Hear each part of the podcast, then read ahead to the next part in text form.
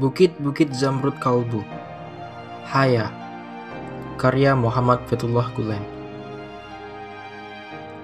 Al-Haya, Al-Khajal atau Al-Hisimah memiliki arti rasa malu dan jengah. Sementara dalam istilah sufinya, yang dimaksud dengan Al-Haya adalah menjauhi segala yang tidak diinginkan atau diridhoi Allah karena takut dan segan kepadanya. Ketika sikap ini berpadu dengan perasaan malu yang telah ada secara naluriah dalam watak manusia, maka hal ini akan membentuk individu tersebut memegang nilai-nilai adab dan kehormatan secara lebih erat dan berhati-hati. Namun, tidak diragukan lagi bahwa perasaan malu ini akan sulit ditumbuhkan pada mereka yang pada dasarnya memang tidak memiliki perasaan seperti ini, atau tinggal di tengah lingkungan yang membuatnya sengaja membuang rasa malu yang dimilikinya. Ya, berdasarkan beberapa indikator yang tercantum dalam uraian di atas, kita dapat membagi rasa malu menjadi dua macam, yaitu satu, malu yang bersifat naluriah, al-haya al-fitri atau al-haya al-nafsi, yaitu rasa malu yang menghalangi manusia melakukan hal-hal yang akan menjadi aib atau kehinaan baginya. Dua, malu yang tumbuh dari iman, yaitu malu yang membentuk sebuah kedalaman dalam melaksanakan ajaran Islam. Ketika rasa malu yang bersifat naluriah ini menyerap nutrisi dari malu yang terkandung dalam ajaran Islam, maka ia akan tumbuh kuat menjadi benteng yang kokoh untuk menghadapi segala bentuk aib dan celah. Sementara, jika seseorang hanya memiliki salah satu di antara kedua jenis rasa malu ini, maka bisa jadi ia akan ragu-ragu ketika menghadapi suatu kondisi tertentu hingga akan berbalik atau bahkan terperosok pada kebinasaan. Ya, sesungguhnya perasaan jengah yang ada dalam tabiat seseorang ini ada dengan kesadaran iman seperti yang dijelaskan dalam ayat Tidakkah dia mengetahui bahwa sesungguhnya Allah melihat segala perbuatannya? Surat Al-Alaq ayat 14 dan tidak akan berlangsung lama jika tidak dikuatkan dengan pemahaman tentang ihsan seperti yang dinyatakan oleh ayat Sesungguhnya Allah selalu menjaga dan mengawasi kalian. Surat Al-Nisa ayat 1 Oleh karena baik keberadaan dan perkembangan rasa malu maupun kesinambungan serta kelangsungannya berhubungan erat dengan iman. Berkaitan dengan hal ini, dikatakan dalam sebuah hadis sahih, suatu ketika Rasulullah SAW lewat di dekat seseorang yang sedang mengecam saudaranya karena ia tidak tahu malu. Ia berkata, "Sesungguhnya engkau malu." Sampai-sampai sepertinya ia berkata, "Ia telah membahayakan disebabkan dirimu." Tapi Rasulullah lalu bersabda, "Biarkanlah ia karena malu adalah sebagian dari iman." Dalam hadis lain Rasulullah Shallallahu Alaihi Wasallam bersabda, "Iman memiliki 70 lebih cabang, dan malu adalah satu cabang dari iman." Berdasarkan uraian ini, dapat dikatakan bahwa rasa malu yang fitrah ada pada naluri manusia, Sebagaimana halnya benih bagus dan tersembunyi yang ada dalam tabiat manusia, akan tumbuh dan kuat batang cabangnya jika diberi nutrisi dan diperkuat dengan makrifat atau pengetahuan yang akan menjadikannya menjadi manusia sejati.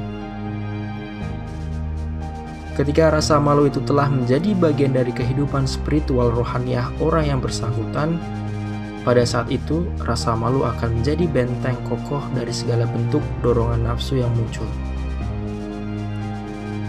Sebaliknya, jika rasa malu tidak dibesarkan dengan iman dan makrifat, tidak diperkokoh dengan ihsan, lalu justru didorong ke arah kekeringan, kebutaan, dan keterpurukan dalam hawa nafsu, maka tidak mustahil ia akan terprosok jatuh baik pada tataran individu maupun pada tataran masyarakat.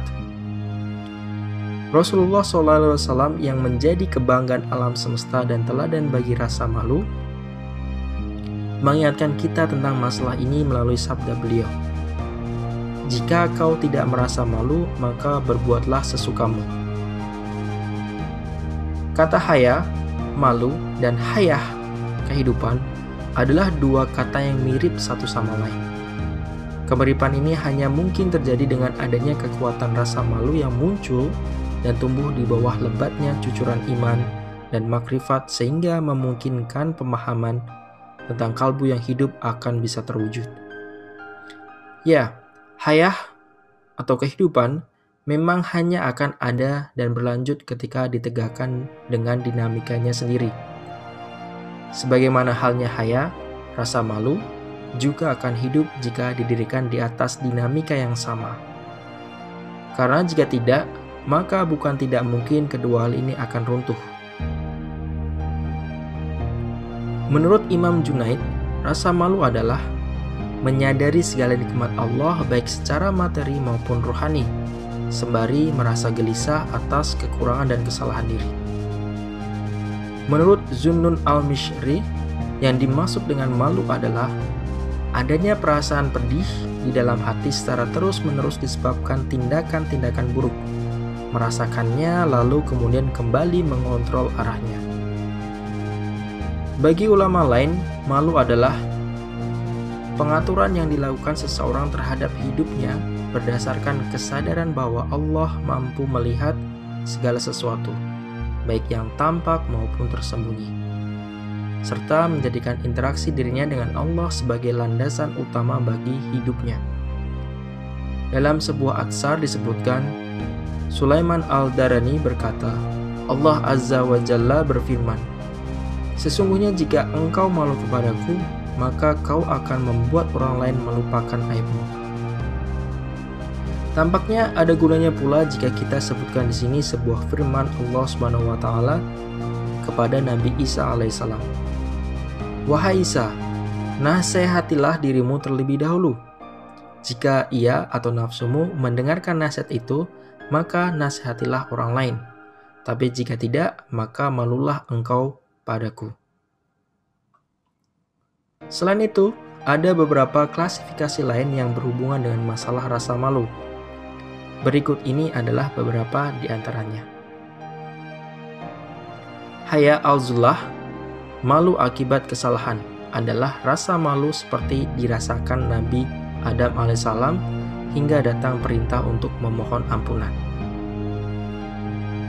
Haya al-takshir, malu akibat kekurangan, adalah rasa malu seperti yang dimiliki para malaikat yang selalu bertasbih siang dan malam tanpa henti tapi ternyata mereka berkata, kami belum menyembahmu dengan sebenar-benarnya. Haya al-ijlal atau malu karena keagungan Allah adalah rasa malu para ahli makrifat yang berkata kepada Allah, kami belum mengenalmu dengan sebenar-benarnya. Diiringi dengan sikap takzim luar biasa yang mereka tunjukkan kepada Allah Subhanahu wa taala. Haya al-haibah atau malu karena segan adalah rasa malu mereka yang memiliki spiritualitas tinggi yang merasa malu kepada Allah sehingga mereka terus mengembara pada cakrawala al-tajarrud sembari menafikan segala keinginan dan hasrat pribadi. Haya al-minnah atau malu karena kebaikan Allah adalah rasa malu para ahlul yakin yang senantiasa hidup sebagai dinamika kedekatan dalam kejauhan, dan kejauhan dalam kedekatan. Insan manusia yang dapat merasakan kedekatan abadi dalam kejauhan abadi pula. Haya Adam al-Wafa atau malu karena merasa tak mampu memenuhi kesetiaan adalah rasa malu yang muncul dari rasa gelisah disebabkan ketidakmampuan memenuhi hak mahabbah yang layak kepada sang kekasih sejati Allah Subhanahu wa taala haya al-ikhlal bi al-ikhlas atau malu karena tidak mampu bersikap ikhlas adalah rasa malu yang muncul pada diri orang-orang yang merasa gundah karena khawatir tak mampu berdoa dan memohon dengan cara terbaik kepada Allah.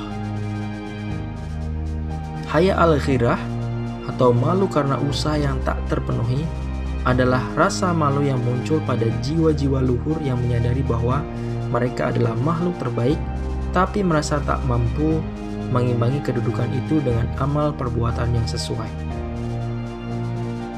Tingkatan malu yang pertama adalah rasa malu yang lahir dari pandangan manusia terhadap dirinya sendiri berdasarkan pandangan Allah. Muhasabah yang dilakukan manusia terhadap dirinya dengan standar dan tolak ukur yang Allah tetapkan pasti akan melahirkan rasa malu yang diiringi dengan kehati-hatian. Pada manusia seperti ini, kesadaran dan pikirannya akan selalu hidup. Tingkatan malu yang kedua adalah rasa malu yang berbanding lurus dengan kesadaran pada kedekatan al-gurbah dan kebersamaan al-ma'iyah ilahiyah. Rasa malu seperti ini biasanya dimiliki mereka yang senantiasa mengembara pada cakrawala firman Allah. Dan dia selalu bersama kalian di mana pun kalian berada. Surat Al-Hadid ayat 4 Tentang hal ini Rasulullah bersabda, Malulah kalian kepada Allah dengan malu yang sebenar-benarnya. Para sahabat bertanya, Wahai Rasulullah, sungguh kami semua malu. Alhamdulillah. Rasulullah menyahut, bukan itu, tetapi malu kepada Allah dengan sebenar-benarnya, yaitu ketika kepala menjaga apa yang disadarinya, perut menjaga apa yang mengisinya, dan mengingat kematian serta kebinasaan. Siapa pun yang menginginkan akhirat, maka ia akan meninggalkan perhiasan dunia. Siapa pun yang melakukan itu, maka sesungguhnya dia telah malu kepada Allah dengan malu yang sebenar-benarnya. Tingkatan malu yang ketiga adalah ketika Anda mampu menggunakan intuisi pada kedalaman kesaksian terhadap kehidupan spiritual rohaniah. Lalu terus berada dalam keadaan seperti itu selama-lamanya. Di bawah naungan saya perjalanan rohani pada jalan yang menghantarkan ketujuan dan bahwasanya kepada Tuhan mula kesudahan atau segala sesuatu. Surat Al-Najm ayat 42. Nasib seseorang untuk meraih kemanusiaan sejati adalah pada ukuran rasa malunya. Jika seseorang penempuh jalan kebenaran tidak mampu bertawajuh atau bergerak ke arah dan mengatur tindakannya di semua keadaan, baik positif maupun negatif, sesuai dengan tujuan akhirat seperti tidak juga mampu melakukan fana secara sempurna dan menafikan dirinya dari kehidupan dalam adab yang baik, maka di satu sisi keberadaannya adalah aib bagi dirinya sendiri dan juga beban berat bagi orang lain. Atas dasar inilah kemudian muncul syair berikut ini. Tidak, demi Allah, tak ada kebaikan dalam hidup maupun dunia jika rasa malu sudah hilang. Rasa malu adalah salah satu akhlak ilahi dan sebuah rahasia di antara sekian banyak rahasia yang dimiliki Allah. Seandainya manusia mengetahui ke manakah rasa malu ini terhubung, maka mereka pasti akan bersikap secara lebih cermat dan teliti. Berikut mari kita menukil sebuah cerita sebagai pembelajaran. Diriwayatkan bahwa pada hari kiamat, Allah menghisap seorang tua. Allah bertanya kepada kakek itu, "Kenapa kau melakukan dosa-dosa ini?" Namun ia menyangkal dengan mengatakan bahwa ia tidak pernah melakukan semua dosa itu. Allah lalu berkata kepada para malaikat, "Kalau begitu, bawalah dia ke dalam surga." Pada saat itu malaikat berkata kepada Allah, "Wahai Allah, bukanlah engkau jauh lebih tahu tentang dosa-dosa yang dilakukan orang ini?" Allah pun menyahut, "Ya, tapi dia termasuk umat Muhammad. Aku melihat uban di kepala dan jenggotnya." maka aku malu menyampaikan dosa-dosanya. Dalam Kans al-Umal disebutkan sebuah riwayat bahwa ketika malaikat Jibril alaihissalam menyampaikan kabar ini pada Rasulullah, maka beliau menangis dan berkata, Aku menangis bagi orang yang Allah merasa malu kepadanya dikarenakan uban dan usianya, tapi dia tidak merasa malu atau berbuat dosa kepada Allah walau telah beruban dan rentah. Maka sebagai ringkasannya, sesungguhnya Maha Pemalu adalah salah satu asma Allah. Perintah untuk berakhlak dengan akhlaknya pun sudah ada. Maka jika demikian, mari lakukanlah. Wahai Allah, sesungguhnya hamba berlindung kepadamu dari ilmu yang tidak bermanfaat, dari hati yang tidak bisa khusyuk, dari doa yang tidak didengar, dan dari nafsu yang tiada kenyangnya. Wahai Allah, limpahkanlah selawat kepada makhlukmu yang terbaik Muhammad dan kepada segenap keluarga serta sahabat beliau.